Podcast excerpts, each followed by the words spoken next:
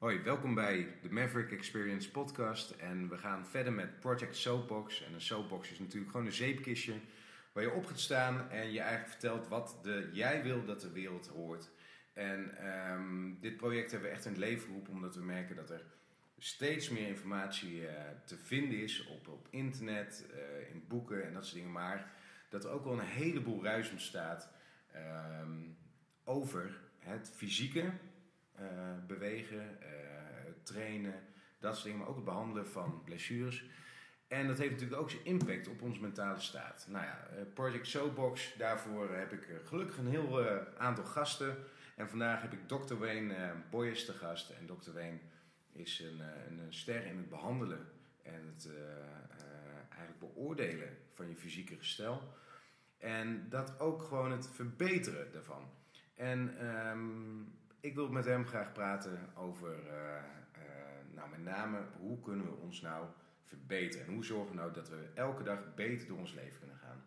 So, Dr. Wayne, yet again, hi, welcome back. Thank you for having me. I hope you're enjoying your time here. Very and nice. I'm hoping you're still enjoying wine, and I think we should make it a tradition to just cheers on that. Cheers. And have a good wine during our podcast. It, it brings out more of our unique voice.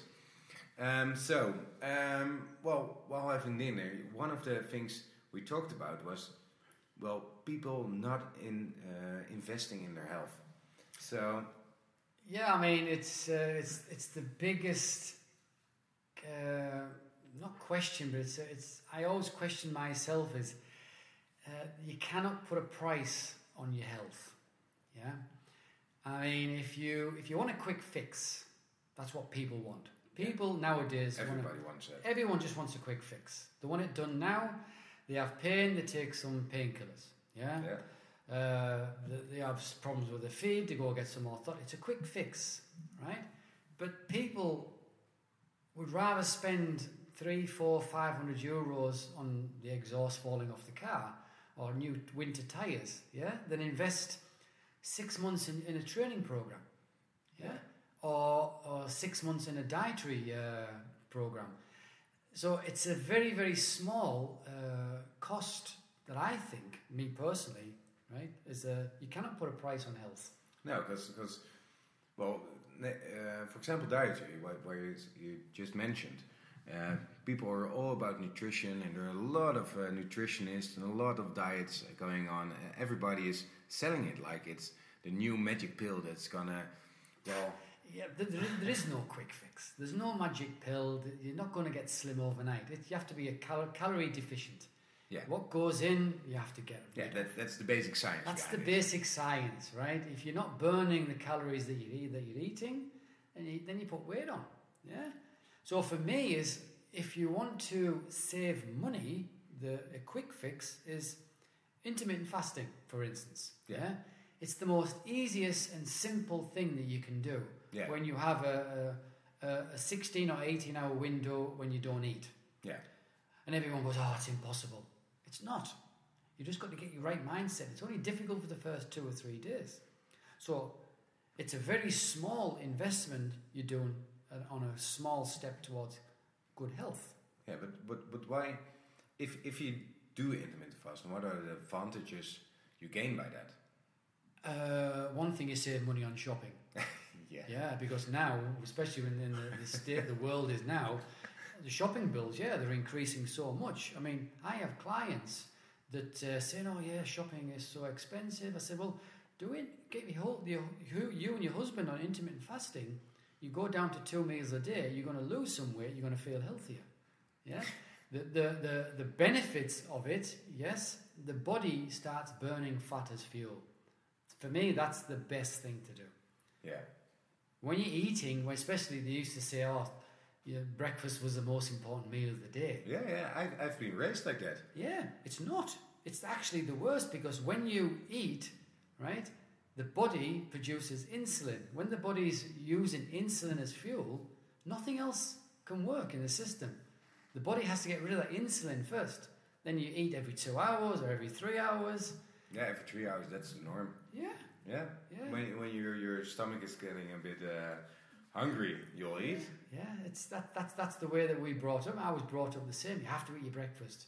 You have to eat three meals a day.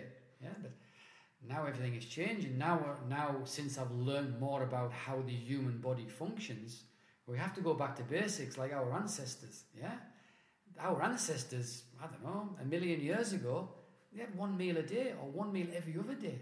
Yes, you, you know what? What? Because the, the the recent years, the the company that came up quickly in the Netherlands is it's called Picnic, and Picnic is a delivery service for groceries, and they deliver it in your kitchen.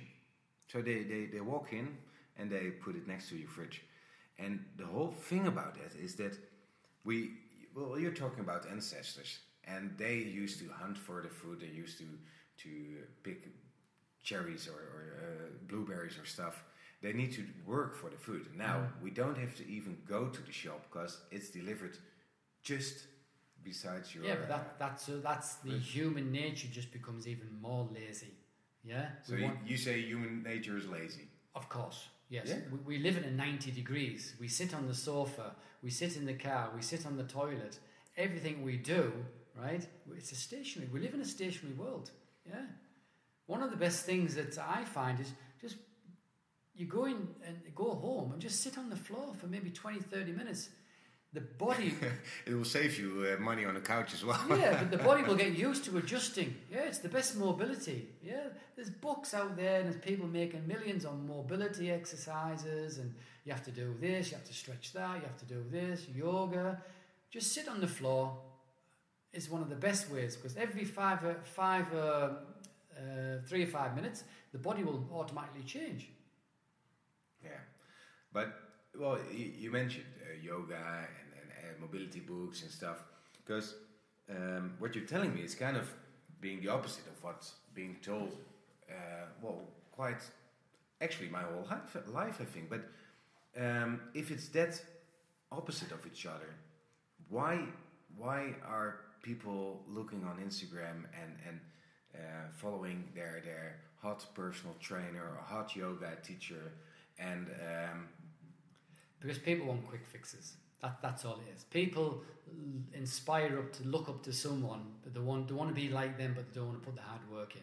yeah So for them, they, by look, watching them on, on Instagram, in their minds, they're doing most of the work themselves. Yeah. So for me, it's the same as like when, when you when you're looking on social media, right? To get the next health kick or the next quick fix yeah or detox or detox. Yes, I mean, there's so much research done now on um on uh, on fasting. Yeah, the, the, it's still in its early stages, but people were fasting f- for years. Yeah, fasting was like when you don't eat for a long period of time, whether it's 16, 24, 48 hours. Yeah, I think there was uh, a guy a couple of years ago. Uh, he was clinically obese, and he didn't eat for 365 days. Just drank water. Yeah, didn't eat. just so one year of not eating Never ate a meal. 12 months 52 weeks 365 days a year Yes, but he was clinically obese, oh right? And the doctor said if you don't lose your weight, you're going to die. And he did a full year of fasting. You can, everyone can No find it on the internet. Yes, it's amazing the transformation that he did. Yeah, and he, he lived to a right old age. Yeah. how, how, how much weight did he lose God, I think I can't really. Have to have a look, but he was weighing something like I don't know. He was over three hundred kilos. This guy. okay well i'm, I'm gonna look it up as we speak Yeah.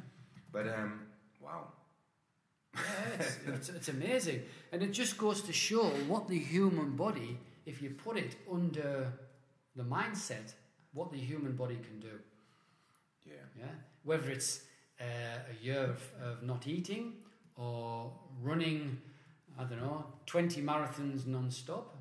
It's the human body is endless, and we haven't even tapped into the human performance side yet. you, you know it's, it's stated here that it's not even 365 days but 382 days without eating Yeah, right. You're right.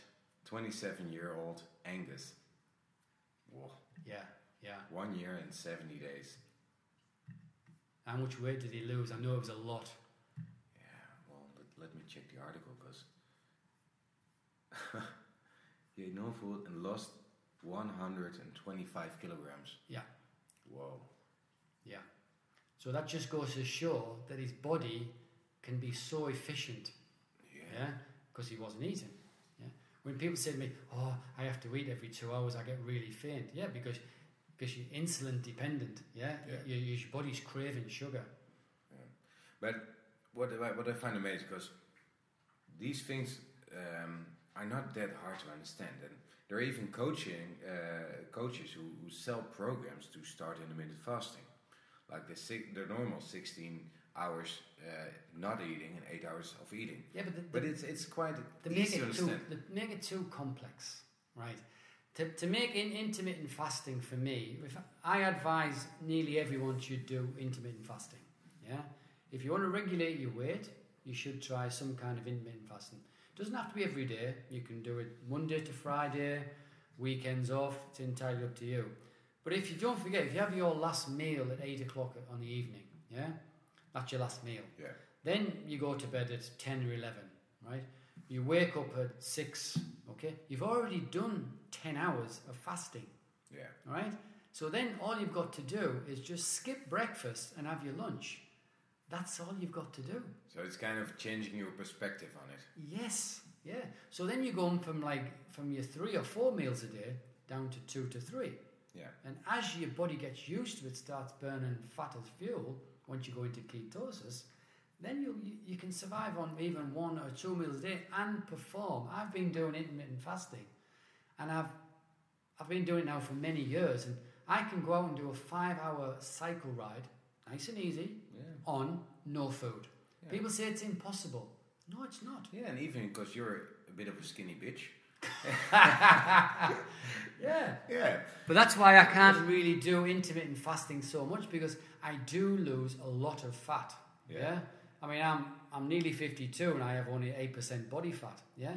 So I have to be very, very careful, especially in this time time of uh, the world at the moment with the, with the the corona and all that. I need to get my body fat percentage up. So I've stopped intermittent fasting for that reason, Just, just to get a bit of fat, so just to get some Yeah. reserve. Yeah. so you have a bit of resistance towards Of course, yes, sick. because obviously, if God forbid, if I ever did get sick, or any of any of my uh, friends and family, you need that little bit of reserve.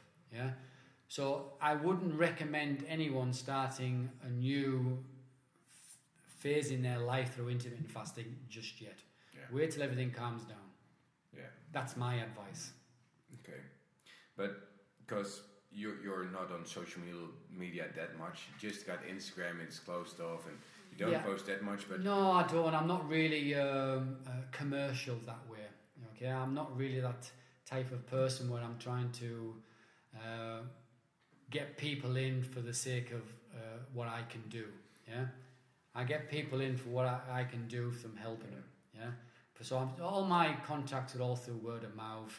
Yeah, I have a website uh, that people can go to, but it's not really. Um, No, I'm not promoting no, because my and- way and of living or health. I really like uh, and I really appreciate that you're being here and uh, sharing your knowledge with us. But um, where I was going to was, how do you think people would make um, choices about how they get their information about, for example, intermittent fasting? Because a lot of Instagram profiles, a lot of I, I I'm well, I'm 36, but I'm uh, too old for TikTok, I think. Uh, people are following everybody just to get the information out of influencers who, well, lack the knowledge. So where do you get your information from if you don't are educated like you are? That, that, that is a very difficult uh, subject because most of the things that I do see on social media and uh, YouTube and all that, yeah, I mean, I browse, browse quite a lot on it, but it's it's just it's it's useless information. Yeah, if someone comes to me and I, I and asks me a question, yeah, I can only advise them on my experience over the last thirty three years since I've been doing this. I've been training all my life. But I can only advise them what I think. Yeah, what works for me not might not work for somebody else. Yeah. So that's why when you when you're looking on social media, just be careful and don't go into the the ones who have the most likes or the most views, because sometimes these ones are, are very very commercial. Yeah, so you you don't have to um, validate people on on being their biggest fan. No. No. It's more about Yeah, you have to use your own initiative as well because if something is if something looks good, it's it's too good to be true. If you understand what I'm trying to uh, say. yeah, but still, uh, Then we go back to the people who just want the quick fix. yeah. yeah, yeah, they want the summer body and things like this. Well, yeah, I like the picture on Instagram though from the set of somebody's. Yeah, yeah, that's also nice as well to look at, but it doesn't really help in the real world. No. Okay, just just just to sum it up a bit, because um, we we started out on on on um, being healthy, and you fucking dog. well, my dog is drinking water, so if you hear something in the back, it's my dog uh, having a great timing of uh, drinking her water. But um, we started out about uh, uh, well nutrition and intermittent fasting and about being healthy, and we ended up a bit by well, how, how can you really see on Instagram uh, who's educated enough to get your information from about, for example, intermittent fasting? But I believe, still believe, because Instagram, it's, I, I love Instagram because it gives me a bit of an uh, uh, uh, stage to to show people what you should do, and I really can imagine that that influencers with well 23,000 followers, 600,000 followers um, are there for a good reason. They really want to help people and benefit from them. Hey, let's let's keep that in mind. Um, but what do you think people should do if if if let's say we, we give someone 200 euros now 200 euros and you can spend it on health being healthy what would you advise them to do Oh, that's a difficult one. I mean, if you, it depends on, on your on your goal that you want. I mean, if you want a weight loss program, yeah, or you want a strength program, or you want to run a marathon, so then you have to start looking at a, a, a, a coach. Yeah? Yeah. So if you start looking for a coach in that field, whatever you want to do, weight loss, strength training, performance, triathlon, running, cycling, and just basically the, one of the best ways is you all you know somebody who has some kind of coach yeah? So basically ask a friend or a family have you had a coaching? Yeah? Because someone always has friends that oh yeah i've been coached by this how was it? Well it was okay or it was really good. And it's all it's sometimes a little bit trial and error. Yeah because because to find the right person right you might be a good coach but it might not be right for you Yeah, but if, if, if so, okay, I'll, I'll ask my, my neighbor, hey, uh, I want to run a marathon. Can you advise me, coach? And he says, well, you got to go to see Joe. Don't know Joe. And I'll I'll give him a ring, so I have him on the phone. What should be one of the key questions you, uh, I should ask? Uh, what experience do you have? Because every coach will give you a 15 or 20 minute call or a face to face, yeah? And just basically ask him, what's your, your record, right? Who have you coached, right? And normally, I, for me, in my personal, I would sometimes, if I was speaking to someone over the phone, go for the years experience, yeah? Not who've they coached, go for the years experience. Because if someone has been a coach for five or six years, or someone's been a coach for 30 years, if he's been a coach for 30 years, he's got some kind of good track record. Do you understand? Yeah.